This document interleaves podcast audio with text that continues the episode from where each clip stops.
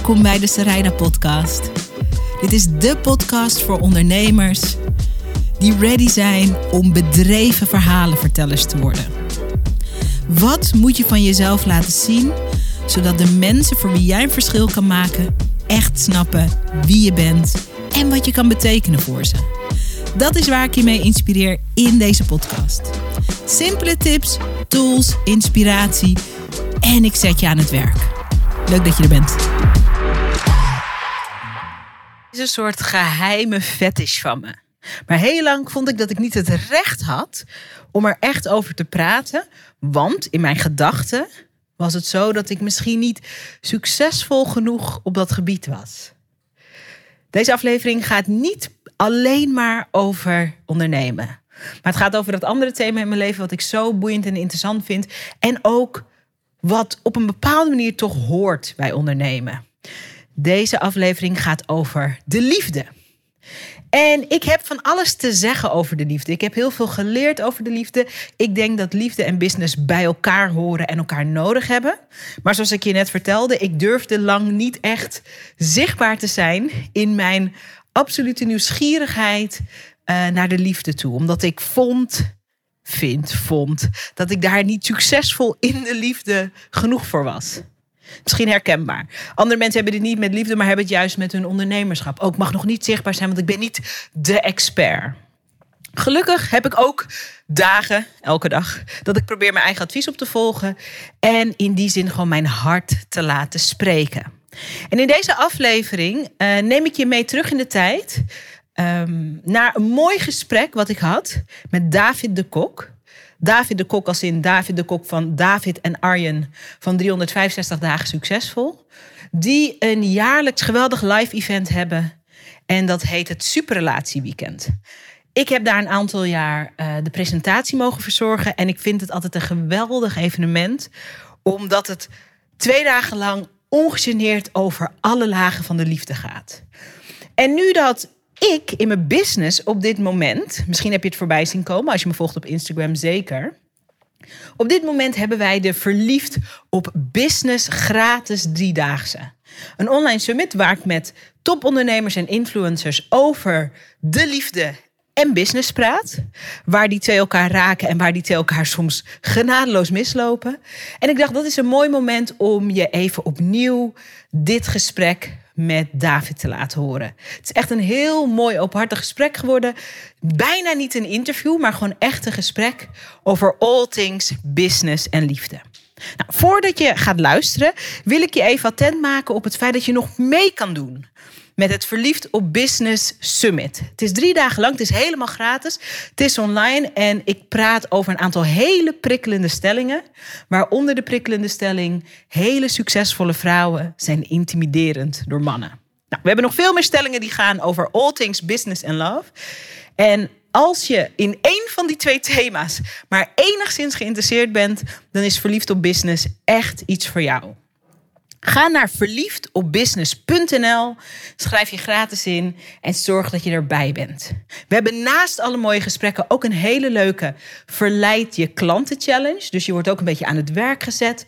En de intentie is om met veel meer liefde in onze business te werken, veel meer liefde te hebben voor onze klanten, maar ook om veel opener en eerlijker te worden over de liefde. In de eerste instantie naar onszelf. Het is echt een heel mooi avontuur en je bent van harte uitgenodigd.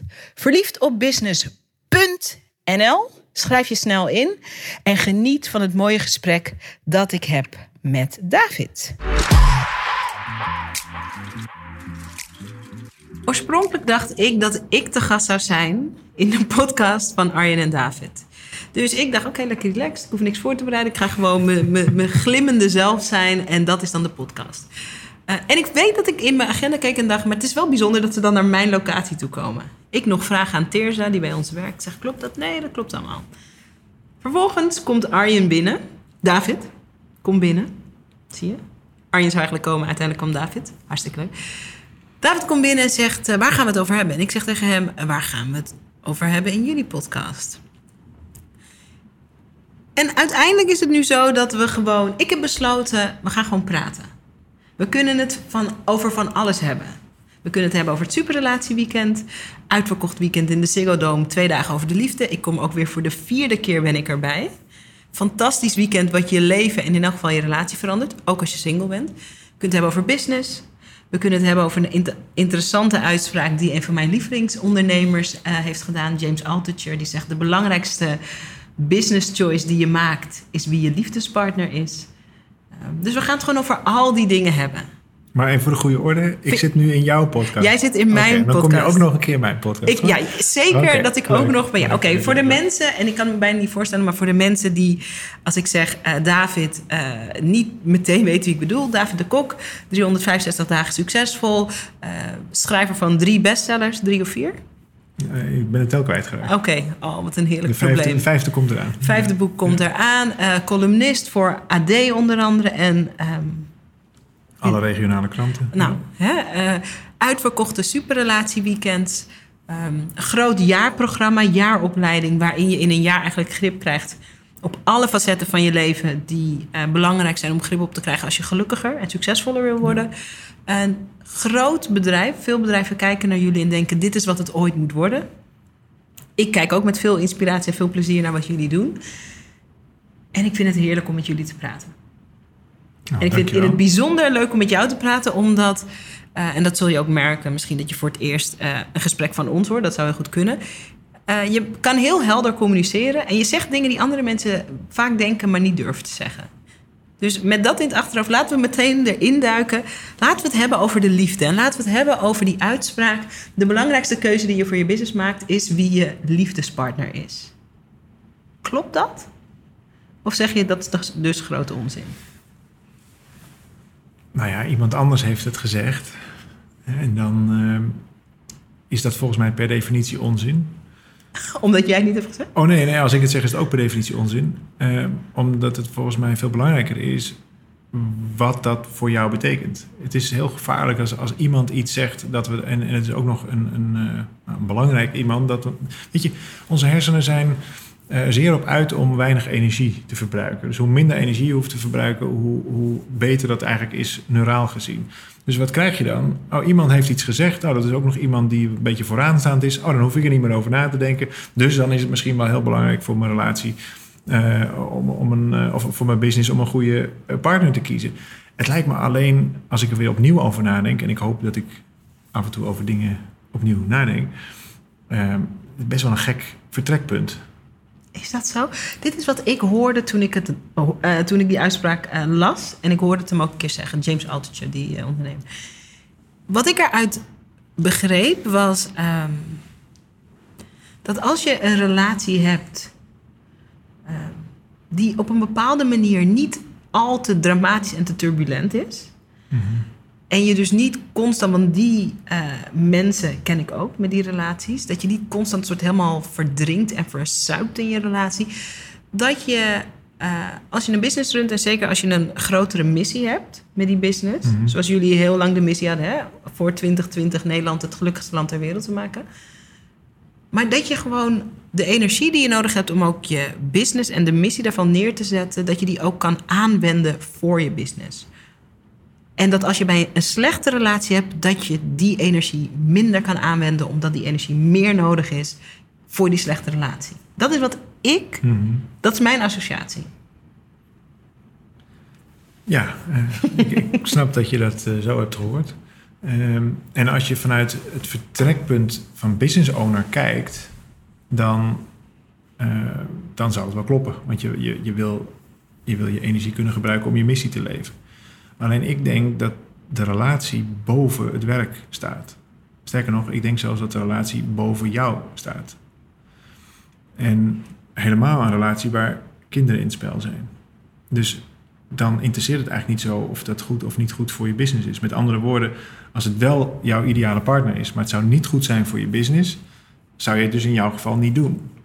En ik zou in mijn geval, als het niet goed is voor mijn business, maar wel heel goed voor de relatie, dus ook voor mij, dan stel ik die dus boven de business en dan, nou, dan ga ik iets anders doen.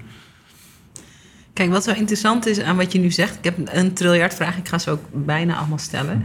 Maar het is belangrijk als je op dit moment zit mee te luisteren, dat uh, David en ik hebben, we gingen even een kopje koffie drinken en hebben een uur gekletst over alles wat liefde en werk is. Dat was echt heel interessant. En als jij dat nu zegt, dan is mijn neiging om te zeggen: ja, ja, de liefdesrelatie is het belangrijkst. Dat is mijn neiging. Mhm. Ik vind het alleen niet, maar ik ben heel nieuwsgierig waarom jij het vindt. Wat bedoel je als je zegt de relatie staat zelfs boven wie ik ben als persoon? En hoe ziet dat eruit in de praktijk? Ehm, nou, laat ik een voorbeeld geven van mezelf. Mhm. Ik, heb, eh, ik, ik ben 13 jaar met, eh, met, met dezelfde. Ehm, wij zijn eh, inmiddels verloofd. We gaan, eh, volgend jaar gaan we ook trouwen.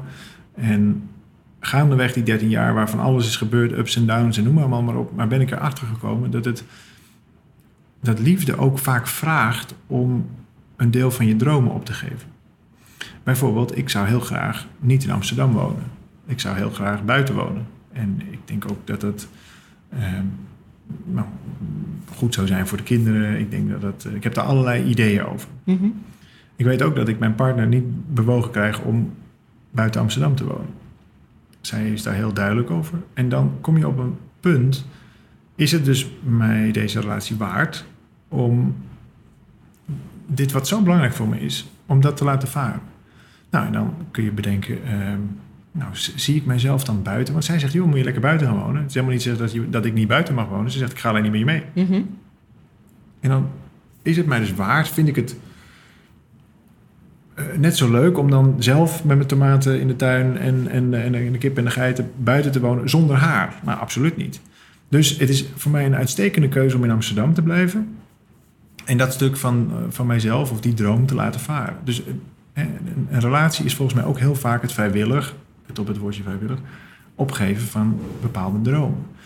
En wat ik daar vervolgens voor terugkrijg, is een hele fijne, zeer verdiepende relatie. Mhm. Dus kijk, op het moment dat je, als je er bijna economisch naar kijkt, ja, dan, dan is die relatie volgens mij al mislukt voordat die begonnen is. Als je er economisch naar kijkt? Ja, als het slecht zou zijn voor business, nou en? Ik, ja, Isha Meijer zei het wel, wel heel aardig. Ehm, Mijn, a.k.a. mijn grote interviewvoorbeeld. Ja, en die van mij. Hij, hij zei het heel aardig. Ehm, liefde is het belangrijkst en werk gaat voor. Liefde is het belangrijkste en werk gaat voor. En werk gaat altijd voor. En, en ik denk dat ik daar meer op lijk dan ik zou willen. Mhm. Ehm, maar ik denk ook dat hij in ieder geval in het eerste deel van de zin gelijk heeft. Ik, ik heb liever een liefdevol bestaan, wat ik heel succesvol vind overigens, dan een maatschappelijk gezien geslaagd bestaan. Ja, mag ik daar wel mag ik daar een, een, een kanttekening bij plaatsen die eigenlijk een vraag is? Er zit toch een verschil tussen ehm, werk en wat ik in elk geval bij jullie denk te zien. Dat bedrijf is ontstaan vanuit een missie Ja. En vanuit een heldere intentie. En dat is meer dan werk. Dat is meer dan een baan, laat maar zeggen. Dat is ook het uitdragen van iets, toch? Mhm. Kijk, als jij mij vraagt van eh, wat is belangrijker? Eh, iemand die iemands werk of iemands relatie. Of bijvoorbeeld in mijn geval ehm, met mijn dochter, mijn werk of mijn gezin. Zeg ik altijd mijn gezin. Maar mijn werk, wat mijn business is, is wel een soort integraal onderdeel van dat ik hier kom uitleven wat ik uit te leven heb. Op een Mhm. hele positieve manier. Dus zit daar een verschil tussen? Werk en. ehm, eh, wat is het Nederlandse woord ervoor? Ehm, het Engelse woord is vocation, I think. Ik weet niet wat het Nederlandse woord is, maar dat je echt dat je een- iets bent begonnen vanuit een grotere missie. Of maakt het niet uit? Is werk gewoon werk, werk, werk, ook al komt dat.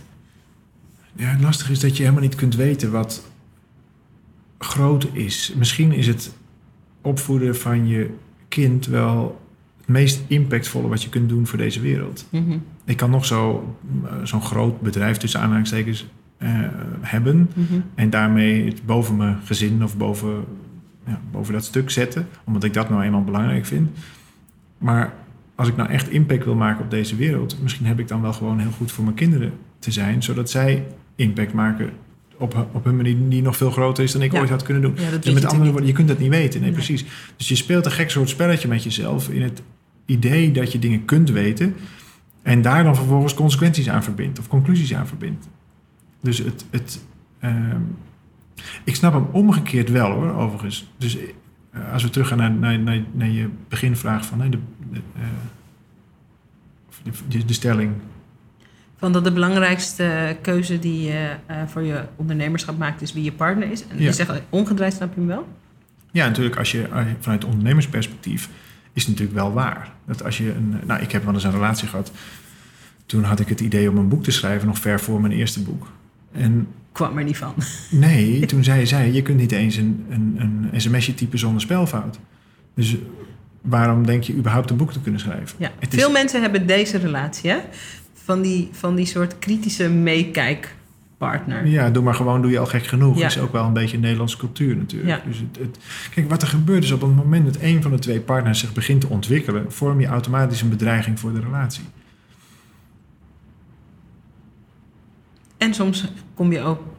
Soms is het ook het begin van allerlei oplossingen, toch? Vaak. Nee, ik denk dat het begin is van heel veel ellende. Nou, you- you're really selling it. Ehm, Nou ja, daarom zijn wij ook zo'n voorstel van het samen ontwikkelen. Dan is er niet zoveel aan de hand. Maar op het Ja. moment dat je één van de twee zich enorm begint te ontwikkelen, dat, het is niks zo pijnlijk als je partner ontgroeien of je partner jou ontgroeien. Dat is misschien nog wel pijnlijk. mhm. En dat is wel vaak zo dat één van de twee niet bereid is Om om te onderzoeken. Om te onderzoeken, precies. Om, om, kijk, een relatie is ook, dat hoef ik je denk ik niet uit te leggen, een, een, een relatie is ook vooral een spiegel. Dus het, het, net zoals dat kinderen ook altijd de knop weten te vinden waarvan jij dacht dat je hem niet had, nou je partner ook. Dus het is niet zoals we in de Hollywoodfilms en in de boekettenreeks boekjes allemaal maar tegenkomen. Dat is niet het, Nee. hoe een relatie is. Nee, dat is wel echt. Als er één ding is, dat heb ik ook geleerd. eh, eh, ik ben natuurlijk twee jaar geleden moeder geworden. Mhm. Vlak nadat ik eh, mijn dochter kreeg, Mhm. ging ik uit elkaar met de vader van mijn dochter. Super diep dal gepakt, eh, heel veel geleerd. Eh, tegenwoordig zijn we hele fijne co-ouders. Maar daar is echt heel veel hard werk voor achter de schermen. Mhm. Voor mijn kant heel veel vergeving. Ook van mezelf natuurlijk, van Ja. dingen die ik fout heb. Echt hard werken, maar dat is dan onzichtbaar werk. En ik weet dat ik in dat hele proces zat van eh, vergeving en onderzoeken van hè, hoe heb ik dit ook, waarom ben ik hier? En dat ik, dat ik dacht, oh wat erg eigenlijk dat we zo structureel, en ik bedoel, ik hou ook van de romantische comedy, really, en ik hou ook van de Kardashians en al die dingen, maar wat erg dat je zo toegelogen wordt over wat de liefde zou kunnen of zou moeten zijn. Wat erg. Het is zo ver af van wat het in het echt is. Het is zo anders. Waar de meeste Hollywoodfilms eindigen, dat is eigenlijk pas het begin.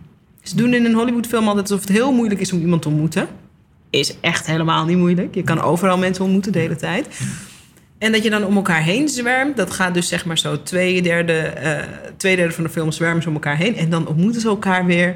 Dan kijken ze elkaar aan en dan is alles perfect. En dan is het einde van de film. Terwijl in het echte leven, daar begint het pas, toch? Ik heb ooit wel eens een, ehm, een st- een stukje gezien, maar ze noemen het het vervolg op de Titanic. Het vervolg op de Ja, en Titanic. dan zie je dus de, de hè, dus zij, dan, eh, Kate Winslet. Ja, en, eh, Rose. Ja, bij Rose precies. en, en Jack, die, die dan twintig jaar later eh, dan in een huis en een ruzie maken. En alleen maar de boel bij elkaar schelden. En het is echt zo ontzettend grappig. Dus het, het- precies wat je zegt, we eindigen natuurlijk op dat, op dat hoopvolle moment waarop het in het plaatje allemaal nog lijkt te kloppen. Alleen ja, de werkelijkheid is gewoon heel erg weerbarstig. Zelfs als jij het idee hebt dat die partner van jou, of degene waar je op verliefd bent, dat dat dan degene is waarmee het helemaal zal gaan lukken. Ja, the Ook- one. Ja, die the one, ene. precies. Ja. Blijkt ook hij of zij allerlei scherpe randjes te hebben die er niet bij stonden bij, bij de advertenties. Zeg maar. Nee, nee. So interesting. Superrelatieweekend. Mhm. 21, 22 september. Ik hoop dat deze podcast voor die tijd de lucht in gaat. Dat gaan we zeker ons best voor doen. Maar ook ehm, als je hem hierna hoort. Elk jaar in september een weekend. En je moet... Oké, en ze hebben niet gezegd dat ik dit moet zeggen. Maar ik, je moet gaan. Ik weet dat ik de eerste keer ging. En ook een beetje sceptisch. En wat ga ik dan doen? En ging een wereld voor me open. Ik kom nu voor de vierde keer doe ik mee. Ik doe eh, een deel van de presentatie, super tof. Maar elk jaar weer leer ik iets. En ik ben iemand die veel onderzoek naar dingen doet. Ik leer iets waarvan ik dacht, ik had geen idee dat dit bestond. Over de liefde. En, ehm, en wat ik het mooist vind, dat vind ik het allemaal. Ik verheug me daarop. Ik verheug me bijna een heel jaar erop. Hè. Ik verheug me erop dat we straks in een zaal met 5000 mensen zitten. Ehm, En dat er zo'n veilige ruimte wordt gecreëerd dat er iemand kan opstaan en zegt: Ik ben hier met mijn partner. We zijn al tien jaar samen. We hebben al drie jaar geen seks. En ik wil er eigenlijk uit, maar ik durf niet. Zo kan een gesprek beginnen. Mhm. En dat, dat kan daar. Die unieke ruimte dat dat kan. En dan gaan jullie volgens, eh, nou er gebeurt van alles. Eh, jij doet soms eh, coaching, Arjen doet zijn ding, de zaal. Het is echt, echt heel bijzonder. En wat ik daar magisch aan vind, is dat je steeds weer kan ontdekken dat ehm, iedereen zit met van alles. En in de wereld wordt gewoon verwacht, eh, hoe gaat het? Ja, goed. Ja, even een beetje moeilijk. Ja, goed. Maar daar is het alsof iedereen een soort zijn borstkas openript en zegt: Dit is mijn hart. Hoe staat het met die van jou? Wonderlijk. Hoe creëer je dat? Hoe creëer je dat? Want het is echt. Dat is zoiets unieks. Op zo'n moeilijk thema, op zo'n kwetsbaar thema, op zo'n heftig onderwerp, op zo'n onderwerp waar je je liever beter voordoet dan dat je in werkelijkheid bent. Ja, goede vraag. Ehm, je- Eerlijk gezegd weet ik dat niet precies. Er is niet een soort magische formule voor eh, oh, doe dit en dit en er, eh, er ontstaat ineens tussen zoveel duizenden mensen een, een, eh, een veilige sfeer. Maar het gebeurt wel elke keer. Dus er is wel iets waardoor dat inderdaad wel plaatsvindt. En ook wel vrij snel. Het is niet zo dat het... Meteen vanaf het begin. Ja, dat is inderdaad wonderlijk. Ja, je zou zeggen dat duurt dan twee dagen en aan het eind dan begint er een beetje vertrouwen te zijn dat mensen zegt, wat durven eh, delen. Ja. Nee, dat is, wij scheppen op de een of andere manier een voorwaarde waardoor, eh, of, of ja, iets aan rand, aan rand iets, een kader, waardoor mensen dat doen. Het is, het is wel heel vaak zo dat als er eentje begint, dus één, je hebt, en er is er altijd wel één op zo'n groep die dat dan wel durft, dat de, dat de rest ook makkelijker volgt. Dus er, er wordt ook, de norm is op een gegeven moment ook dat je over alles kunt praten. Hoeft helemaal niet aan plein publiek, maar wel met elkaar. Mhm. Ook onderling dat- inderdaad. Ja, onderling dat dat heel goed, eh, heel goed werkt. Maar wat misschien wel interessant is, is dat je diezelfde ehm,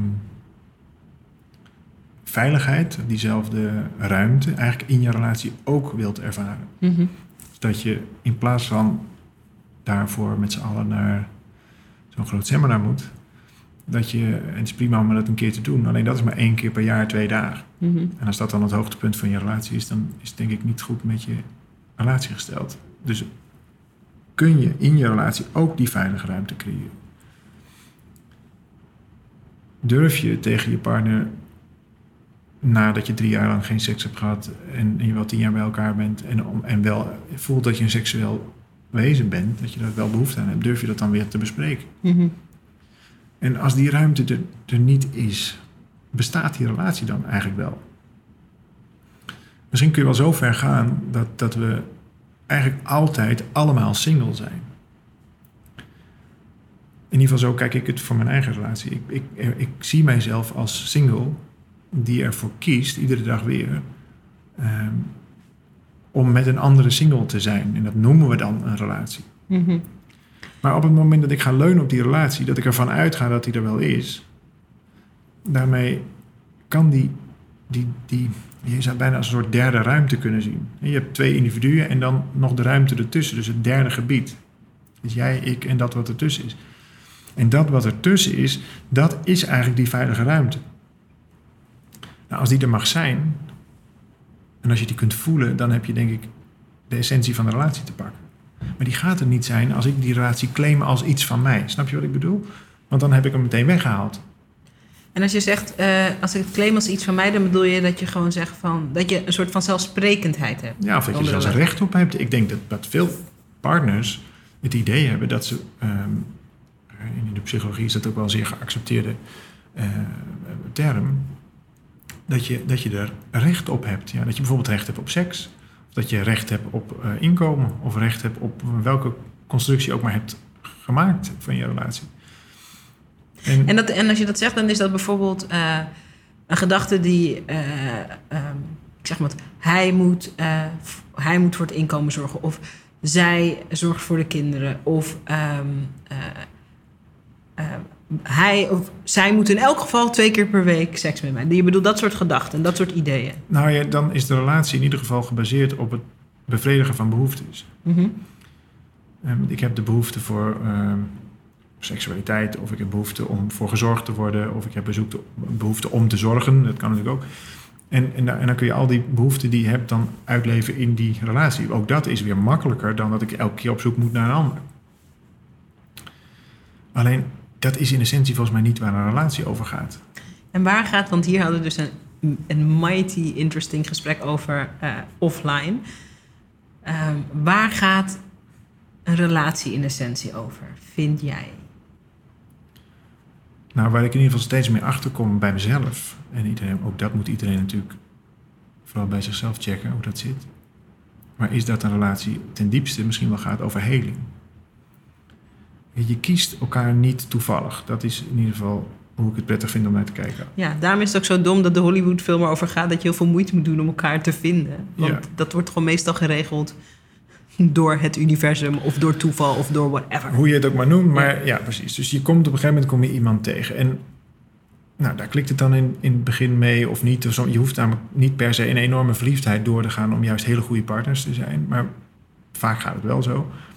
Uh, maar dan wordt het interessant. Dus waarom hebben we dan eigenlijk die, die relatie? En ik denk dat het, omdat het zo'n waardevolle spiegel is, omdat iemand jou eigenlijk beter kunt, kunt of kan waarnemen dan jij jezelf. En je ogen zitten aan de binnenkant. Ik, ik kijk naar jou. Ik heb waarschijnlijk nu al langer naar jou gekeken dan dat jij in de afgelopen weken naar jezelf hebt gekeken.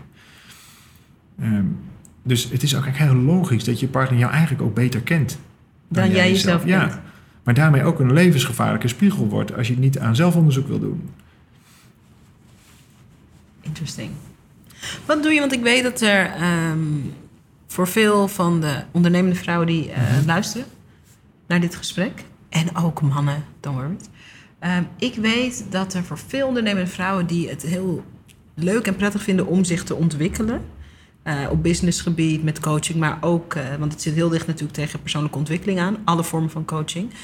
Wat, wat doe je als je een partner hebt, en omgekeerd hebben mannen natuurlijk ook met vrouwen, die per se niet wil, want er is niks mis met hem of haar. Er is niks mis mee.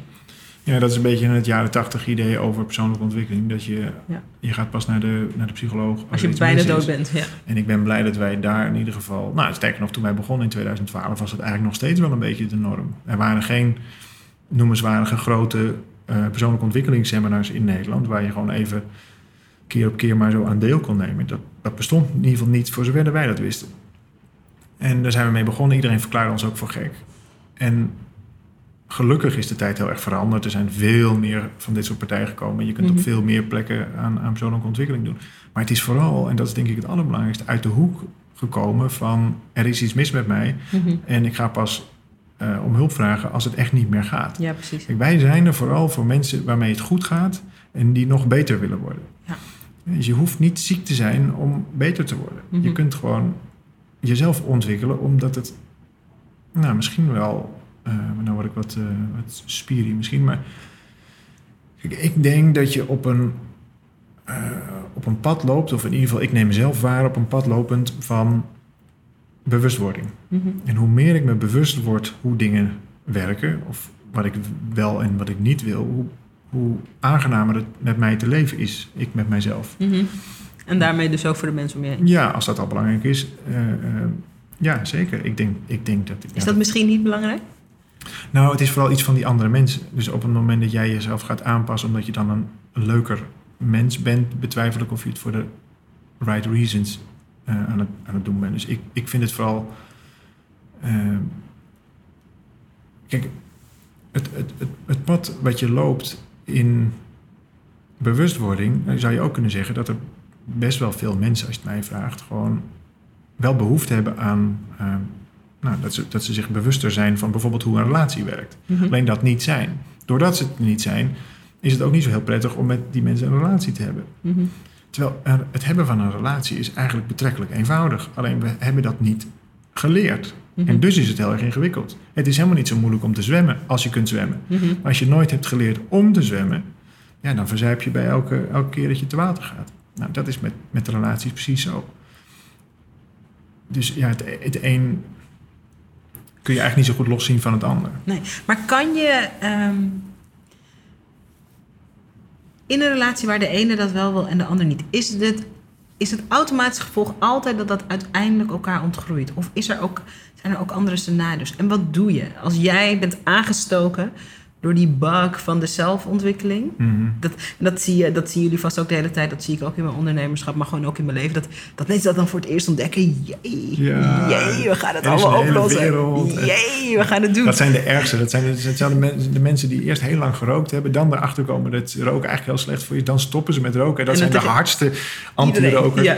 Ja. Precies, maar- dan heel irritant. Ja. Dus dat is dan de ene, de ene helft van de relatie.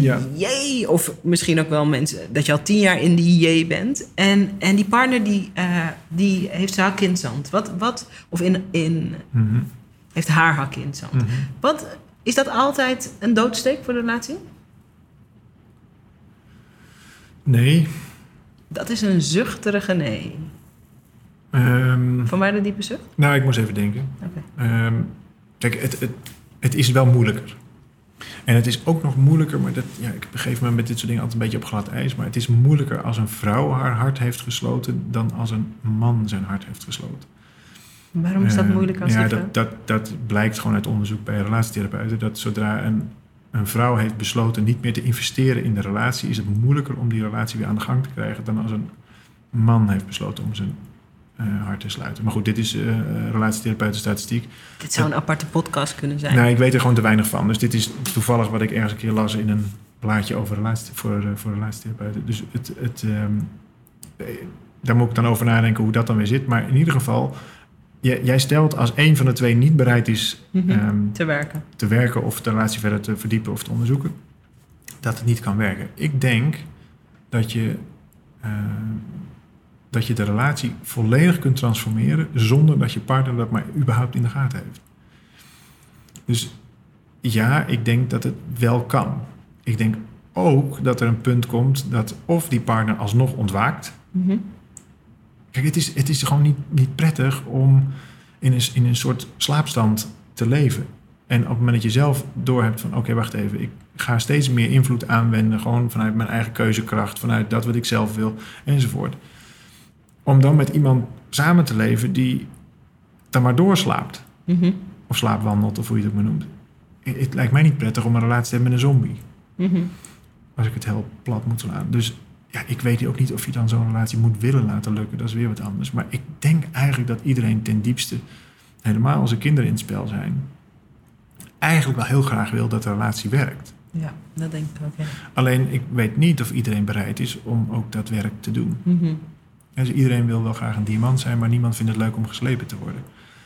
En, en, en dat, dat, ja, nou, ik hoop in ieder geval dat wij met onze programma's dat voor veel mensen een stap dichterbij brengen. Mhm. Door het leuk te maken, door het, door het eh, door met heel veel humor dat aan te vliegen. Dat het ontwapenend is. Dat het dus helemaal niet vanuit pijn of vanuit therapieachtige eh, een benadering hoeft. Ja, om daar even een voorbeeld bij te geven. Eh, ik ben dus ook al eh, drie of vier jaar bij het Superrelatieweekend. Ik ga ook, ik heb met mezelf abonnement afgesloten voor altijd. Dus jullie moeten het ook altijd blijven doen. Ja, bij deze. Yes. Ehm, om je aan te geven, als je er nog nooit geweest bent. ehm, en ik hoop dat hij het niet erg vindt dat ik dit vertel, maar anders moet je me maar gewoon even mede thuis. Mhm. Eh, Ik was er vorig jaar. En eh, ehm, ik had eh, op het allerlaatste moment zomaar uit het niets Thijs Lindhout... Mhm. eh, van de super eh, goed beluisterde 100% in- Inspiratiepodcast meegevraagd. We wonen allebei op Eiburg. Eh, we hadden elkaar volgens mij twee weken daarvoor gezien. Ik zei, Thijs, kom gewoon mee, gewoon chill. Wij zijn gewoon maten. We zien elkaar helemaal Mhm. niet vaak, maar we zijn gewoon maten. en heel af en toe komen we elkaar tegen. En soms met werk. Nou, hij zei, oké, gaan ook vrienden van mij, kom wel mee. Ehm, verder allemaal niks bijzonders. Ehm, en toen kwam op dag twee een oefening. Eh, want je, we leren dingen, mensen delen hun verhalen... maar we krijgen natuurlijk ook hele concrete tools om mee aan de slag te gaan. En toen moesten we elkaar, ik geloof, 13 minuten of zoiets... ik weet niet, een of ander ongoddelijk aantal minuten... moesten we elkaar ehm, aankijken in de ogen. Nou, als je dit hoort, denk je, ja, nou ja, boeien. Maar het is heel raar eigenlijk. Wat ook aangeeft hoe weinig we in contact zijn met elkaar. Het is heel raar om iemand lang aan te kijken. Het is heel raar en confronterend. En eh, wij gingen dat doen. En nou ja, de gedachten die bij mij voorbij kwamen, dat, dat, dat ah, rare gedachten. Van, oh mijn god. En zit mijn haar wel goed? Tot, eh, tot wat vreselijk dat ik hier ben. tot hij is eigenlijk ook best wel knap. Tot, nou, echt van alles. Echt van alles. Met hartkleur, echt vreemd. En wij hadden het er laatst over, dit is dus een jaar geleden. Er is verder niks gebeurd. Je hebt elkaar 13 minuten. Maar wij hebben een betere vriendschap ontwikkeld. Door die gekke oefening bij het Superrelatieweekend. En wij zijn eigenlijk in principe een beetje vreemden van elkaar. Of werkkennis of zo. En dat geeft aan dat zelfs met de kleinste oefeningen kan er zoiets. Uh, er kan echt iets shiften. En dat vind ik het leuke experiment. Het hoeft dus niet alleen, het gaat niet alleen maar over, oh, je moet je jeugdtrauma's oprakelen en uh, waarom zijn al je relaties dan niet goed gaan. Het gaat over hele kleine dingen die je kan doen om in meer connectie te komen met jezelf, maar ook met degene die naast je zit en ook met iemand die iets deelt. En ik vind het zo, um, eigenlijk vind ik het zo interessant om te zien dat er, um, dat we daar allemaal zoveel nog in te leren hebben, connectie. Daar Ja. moeten we echt zoveel over leren als mensen met SCH. Ja, nee, zeker. Kijk, je, je- als je wil leren zwemmen, dan heb je behoorlijk wat zwemles nodig. En dan, en dan ben je er niet met eh, twee keer te water gaan en hopen dat je de overkant eh, bereikt. In ieder geval, mijn kinderen gaan nu naar zwemles. En dat ziet er toch nog behoorlijk wat eh, uit. Als dat dan Wankel. Wat, ja, daar is nog wat werk op nodig.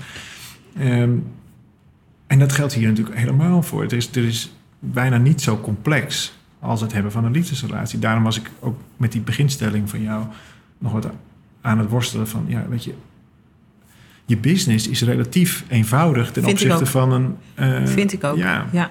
En voor de mensen die heel erg struggelen met hun business of denken dat het heel moeilijk is om een business te beginnen. ehm, wat ik er eenvoudiger aan vind dan bijvoorbeeld Mhm. eh, relaties is. Als je heel helder hebt wat je zou willen beleven, dan kan je, eh, dan kan je gewoon mensen daarbij zoeken, mensen die je daarbij kunnen helpen. Ehm, en je kan gewoon een pad uitstippelen. En als het niet lukt, moet je natuurlijk bijsturen. Dus je moet ook flexibel zijn. Maar het, het gaat, als jij enige vorm van focus hebt. en je niet te beroerd bent om dingen uit te zoeken. dan kom je gewoon heel ver in ondernemerschap. En er zijn natuurlijk nog andere dingen nodig. Maar in een relatie is het zo dat. eh, je moet 100% geven. Eh, en die ander geeft ook 100%. En je bent twee mensen, je hebt allebei een eigen achtergrond, je hebt allebei een eigen, je eigen bagage. ehm, eh, je verstaat elkaar niet altijd. Er zitten angsten bij. Je wil dit niet fout doen of je wil die ander niet verliezen. En dat is zo emotioneel, zo complex. Ik vind het echt moeilijker, denk ik, nee, weet Ja. ik, om te slagen in de liefde, wat dat ook Ja. mag betekenen, dan in bijvoorbeeld eh, mijn business of zo. Ja, en tegelijkertijd denk ik ook dat je uiteindelijk een gelukkiger leven zult ervaren, in ieder geval voor de meeste mensen, als het wel lukt in de liefde. Ja, dat denk ik ook. Dus het, het- en daarom staat wat mij betreft de relatie dus ook boven de business. En er staat de relatie zelfs boven mijzelf. Ehm, en als dat niet zo is, of als ik dat niet meer zo vind, dan is het ook meteen een alarmbel. Als ik mezelf belangrijker maak in die relatie dan de relatie zelf, dan is er dus geen relatie. En ben ik dus weer die single met mijn hoofd bij de deur, of erger nog, misschien wel buiten die deur. al. Mhm. Interesting. Dit is echt zo'n stof tot nadenken podcast. Oké, tot slot.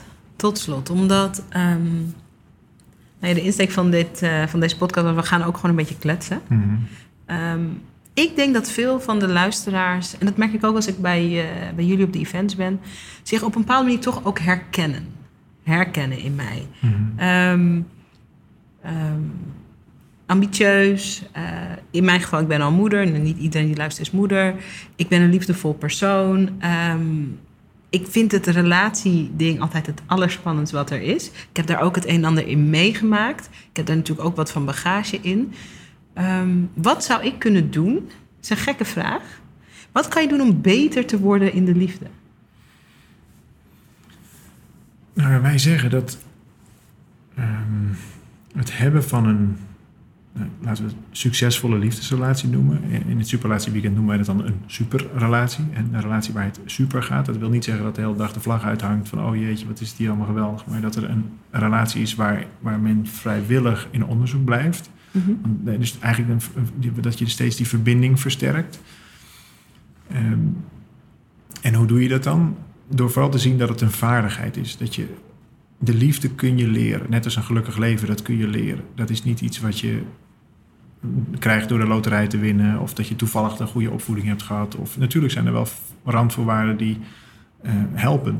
Mhm. Maar het is eigenlijk heel simpel. Als ik het kan, dan, dan kan iedereen het. En waarom zeg je dat?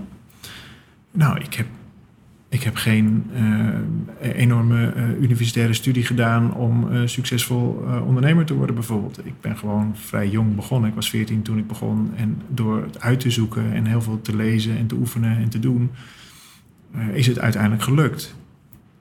En ik, ik beschouw mezelf niet als een bovengemiddeld intelligent iemand, maar wel iemand die steeds bereid is om het uit te zoeken Mhm. elke keer uitzoeken, uitzoeken, uitzoeken. Omdat ik dat zo leuk vind aan het leven ook. Dat je Mhm. elke keer uitgedaagd wordt om het weer opnieuw uit te zoeken. En, Mhm. en, en voor iedereen is dat ook weer iets anders. Maar het goede nieuws is in ieder geval, dat is de ontdekking van nou, de laatste, nou, het laatste decennium voor mij, is dat je de liefde kunt leren. Dat dat vervolgens een, een les is die nooit ophoudt. Dat je elke keer. Ik ga dus nog steeds naar relatietherapie, bijvoorbeeld. Ik, vind, ik ben blij dat je dat zegt, omdat ik kan me voorstellen dat mensen denken... eh, David en Arjen, de goeroes, bla bla bla. Maar jij bent eigenlijk, jij wordt ook constant getraind in de liefde. En constant... En getriggerd ook. en Daar getriggerd. helpt mijn En- partner ook uitstekend bij. Eh, En gecoacht. En waarom Ja. ga je, want ik vind dat super. Ik vind dat iedereen altijd de hele tijd in therapie moet zijn. Dat vind ik. Dat is mijn mening. Andere podcast. Waarom ga jij naar relatietherapie? Nou, elke keer als wij daar samen heen rijden, we gaan één keer in de zes weken, dan rijden we daar naartoe. En dat zit ergens in het midden van het land, dus we zijn ook nog eens een uurtje onderweg. En dan rijden we erheen en dan zeggen we tegen elkaar van jeetje, we gaan hier al zoveel jaar heen. Ik heb echt niks meer. En dan zegt zij, ja, ik heb ook echt niks meer. Nou, dan gaan we er al heel, heel erg oké heen. Nou, dan zitten we er ongeveer een minuut of tien. Nou, en dan krijg je me toch een, een, een, een les of een inzicht of bleek er toch nog iets te zitten. En, en, en ik vind dat dus magisch. Het is echt te gek. En dan, kijk, het was in het begin natuurlijk niet zo. Hè. Laat dat duidelijk zijn. We gingen daar natuurlijk wel duidelijk met- een, met een reden naartoe. Wij, wij kregen allebei kinderen. Want ja, er werden kinderen geboren in onze constellatie. En, eh, en we waren gewoon compleet de weg kwijt. Ik bedoel, Mhm. dat was de aanleiding van help ons dit beter te doen. Dus ook Mhm. wij wilden graag weten hoe worden we beter in de liefde eigenlijk. En, en het is wel interessant, want een van de, van de vragen die we ook steeds aan elkaar stellen is: How can I love you better? Hmm, mooie vraag. How can I love you better? En, en dat is zo'n tof, eh, in eerste instantie zelfonderzoek en daarna gezamenlijk onderzoek. En, nou ja, en, en in ons geval dus ook met de hulp van een uh. En elke keer gaan we daar weer eh, of helemaal in de war of verlicht of eh, in ieder geval Er gebeurt altijd wat. ja, dat gebeurt, maar het is dus zo interessant. Want daardoor komen we ook echt verder. En, en het is ook wel hoe vaker we daar naartoe gaan, hoe meer we ook weten dat we nog niet weten. Hoe weer, er weer een hele wereld eh, open gaat. Ja. Mhm. Mooi. Super mooi. Oké. We weten natuurlijk niet, en met we weten, zeg ik ik, we weten natuurlijk niet wanneer deze podcast online komt. Nee. Eh, het Superrelatieweekend is uitverkocht, hè? Ja. Ja, wat kunnen mensen die helemaal op een positieve manier aan zijn gegaan door ons gesprek en die denken: ik ben 1% nieuwsgieriger dan dat ik angstig ben voor het onderzoek? Mooi. Dat is altijd mijn eh, ja, criterium. als je nieuwsgierig wint van je weerstand, Ja. dan, dan Ja, kom je heel eind. Hoeft maar 1%. Ja. Ik zou hier wel meer over willen weten. Misschien wel over en het businessstuk, maar zeker ook het liefdestuk. Ehm, waar kunnen ze terecht? Wat kunnen we bij eh, jou en bij jullie, wat kunnen we daar gaan, eh, waar kunnen we mee gaan experimenteren? Hoe kunnen we die spier trainen, die liefdesspier, misschien wel die levensspier? Eh, er zijn heel veel verschillende ingangen mogelijk. Het ligt een beetje aan hoe ver je daarin eh, in wil gaan. Maar begin eens met eh, kijken op eh 365 dagen succesvol.nl slash podcast bijvoorbeeld. Daar zijn alle verdiepingsdingen bij alle podcasts die wij dan weer maken. Eh, en daar staan ook heel veel eh, allerhande kleine trainingen, dingen die je kunt doen. Dus Leuk. dat is vrij makkelijk om in, om in te stappen. En als je voor het echt wil gaan, eh, maar dat doen maar heel weinig mensen. Ik bedoel, de, de, de, de, doelgroep waar wij tegen spreken is zo'n 7 miljoen mensen groot. En dan doen maar 1500 mensen per jaar doen mee aan, aan die reis. Maar als je, als je nou echt het idee hebt van, ja, oké, I get it, maar laten we dit dan ook maar gaan doen. En dus van, van het is wel oké, maar ik wil graag dat het echt super wordt. En niet alleen in de relatie, maar in je hele leven. Doe dan het jaarprogramma. Het start elk, elk jaar in januari. Eh, op 1 januari letterlijk. En dat is in een jaar lang. Ja, dat is, dat is het mooiste wat ik heb weten te maken samen met Arjan en een heleboel andere mensen in Ja. de afgelopen jaren. dat zou ook nog een, een ingang kunnen zijn. Een aantal, ik heb hem zelf niet gedaan, maar een aantal mensen die dicht bij me staan doen hem. En te zeggen dat het hun leven verandert op een positieve manier. Ja, dat vind ik fijn om te horen. Dat, dat, dat is ook logisch. Ehm, ik denk namelijk alleen al door het feit dat je besluit deel te nemen, Ja. dat er al een heleboel verandert. Ja, daar geloof ik En ook niet in. eens zozeer omdat wij nou zo'n briljant programma hebben, maar omdat jij besluit: hé, hey, wacht even, ik ben eigenlijk geen toeschouwer meer in mijn leven. Ik ga niet meer afwachten. Ik ga nu gewoon hup, op het centercourt spelen. Ik ben, ik ben deelnemer. Ik ga niet meer op de tribune zitten. Nou, dat is eigenlijk wat, deze ja, toch relatief kleine groep eh, doet. En, die, die, en daar eer ik ze ook enorm voor. Dat vind ik geweldig. En, en wij met hun. Wij komen ook elk jaar die tribune af. En ook wij hebben weer, weer die, die reis te maken. En dan maken we zo'n reis met elkaar. Die begint dan in januari. En komen een aantal keer bij elkaar. En iedere dag zijn we even bij je met, met, met onze digitale dingen. En het is dus uiteindelijk helemaal niet eens zo heel moeilijk. Maar als je elke dag vijf minuten met iets bezig bent, dan krijg je dus zo'n waanzinnige transformatie. Als je elke dag vijf minuten mediteert, nou dat doe jij ook eh, minimaal. Dan weet Ja, je al wat een enorm. Van het moment voordat je dat deed en het moment nadat je dat, Dat doet, ik- is een wereld van Een verschil. heel ontstaan. ander leven. Exact. Een heel ander leven. Nou, zo geldt het voor heel veel van dat soort hele kleine praktische dingen. Maar als je dat structureel doet en dan ook nog eens met een groep met hele leuke mensen. Die natuurlijk allemaal. Kijk, waarom zijn die mensen leuk? Die zijn en bereid om naar zichzelf te kijken, anders doe je niet mee aan zo'n programma. En ze willen vooruit. Nou, dat, dan heb je al een soort extract van de leukste mensen eh, te pakken om, eh, om zo'n reis mee te maken. Dus dat is ons core product. Dat is eigenlijk waarom we doen wat we doen. Mhm. En al die dingen eromheen, eh, die, eh, dat zijn eigenlijk de, de, nou ja, de teasers, de, de, Kan je vast een beetje kennis maken. nou ja, maar ook om mensen alvast een beetje te prikken om, om, om richting dat, dat ja, die, als ik het helemaal groot en filosofisch neerzet, richting die ontwaking. Want je kunt namelijk veel meer dan je denkt dat je kunt. En dan kan ik wel roepen, maar dat, ja, uiteindelijk ben jij degene die dat ook echt eh, heeft te ontdekken. Ja. Er zijn mensen die, doordat ze deze podcast hebben geluisterd, vandaag een keuze gaan maken. Of misschien niet vandaag, misschien volgende week, misschien over twee weken. Die iets te maken heeft met hun ontwaking. En all we had to do is gewoon gezellig met elkaar praten. Mooi toch? Je komt zeker nog een keer terug hier, toch? Als, als ik word uitgenodigd, dan zal ik er zijn, beloof. En mag ik ook een keer bij jullie Grote Mensen podcast? Ja, mag ook bij de grote mensen. Yay. Hey, super cool dat je hebt geluisterd. Echt dankjewel. Dit is dus een beetje een geïmproviseerde podcast geweest. Ik hoop dat je ervan genoten hebt. En ik zou graag van je willen weten... ehm, wat heeft het je gebracht? Als je drie minuten van je kostbare tijd zou willen investeren... om een bloedeerlijke review te schrijven op iTunes... Dan, eh, dan kan ik daar weer van leren. Maar je helpt dan ook andere mensen deze podcast te vinden. Hoe meer reviews, hoe zichtbaarder we zijn... Je kent dat soort algoritme dingen wel. En we willen heel veel mensen bereiken, omdat we heel veel mensen willen helpen ontwaken. Dus als je dat zou willen doen, fantastisch. Eh, neem ook even een kijkje ehm, op eh 365 dagen succesvol.nl slash podcast. Ook belangrijk. En kom lekker kletsen op Instagram. Zaraida Groenhart. David, ik zie je snel gewoon hoor. We maken gewoon alvast een nieuwe leuk. afspraak. Helemaal. Ik zie je over eh, heel, heel een paar dagen alweer. Ja, over een paar dagen Ja. ga ik alleen maar huilen en tussendoor vrolijk presteren. En dan weer huilen van ontroering. En natuurlijk al die oefeningen doen. Ik sleep natuurlijk elk jaar een man mee. Oké, heel goed. Nou, ik Ja. ben benieuwd wie oh, dit jaar Oh, dit klinkt heel rot eigenlijk. Soms zijn het ook vrienden hoor. Oh, jakkes. Nou, dit gaan we er niet uitknippen, maar ik zou het er wel Nou ja, uit en, willen en knippen. Thijs doet de afsluiter van zaterdagavond. Ja. Dus dat wordt nog eh, extra leuk. Nou, ineens, ineens is het een afsluiting met een soort soapserie-achtig einde. Is niet zo. Ik bedoelde dat niet zo. Oké, dank voor het luisteren. Super tof dat je hebt geluisterd naar de podcast. Dankjewel. Hey, en als je een mooi inzicht hebt of iets wat je even met me wilt delen naar aanleiding van de podcast, check me op Instagram. Ik heet daar Zaraida Groenhart. En laat even een berichtje achter met wat je uit deze podcast hebt gehaald. Ik vind het altijd leuk om met je te connecten. Zie ik je daar?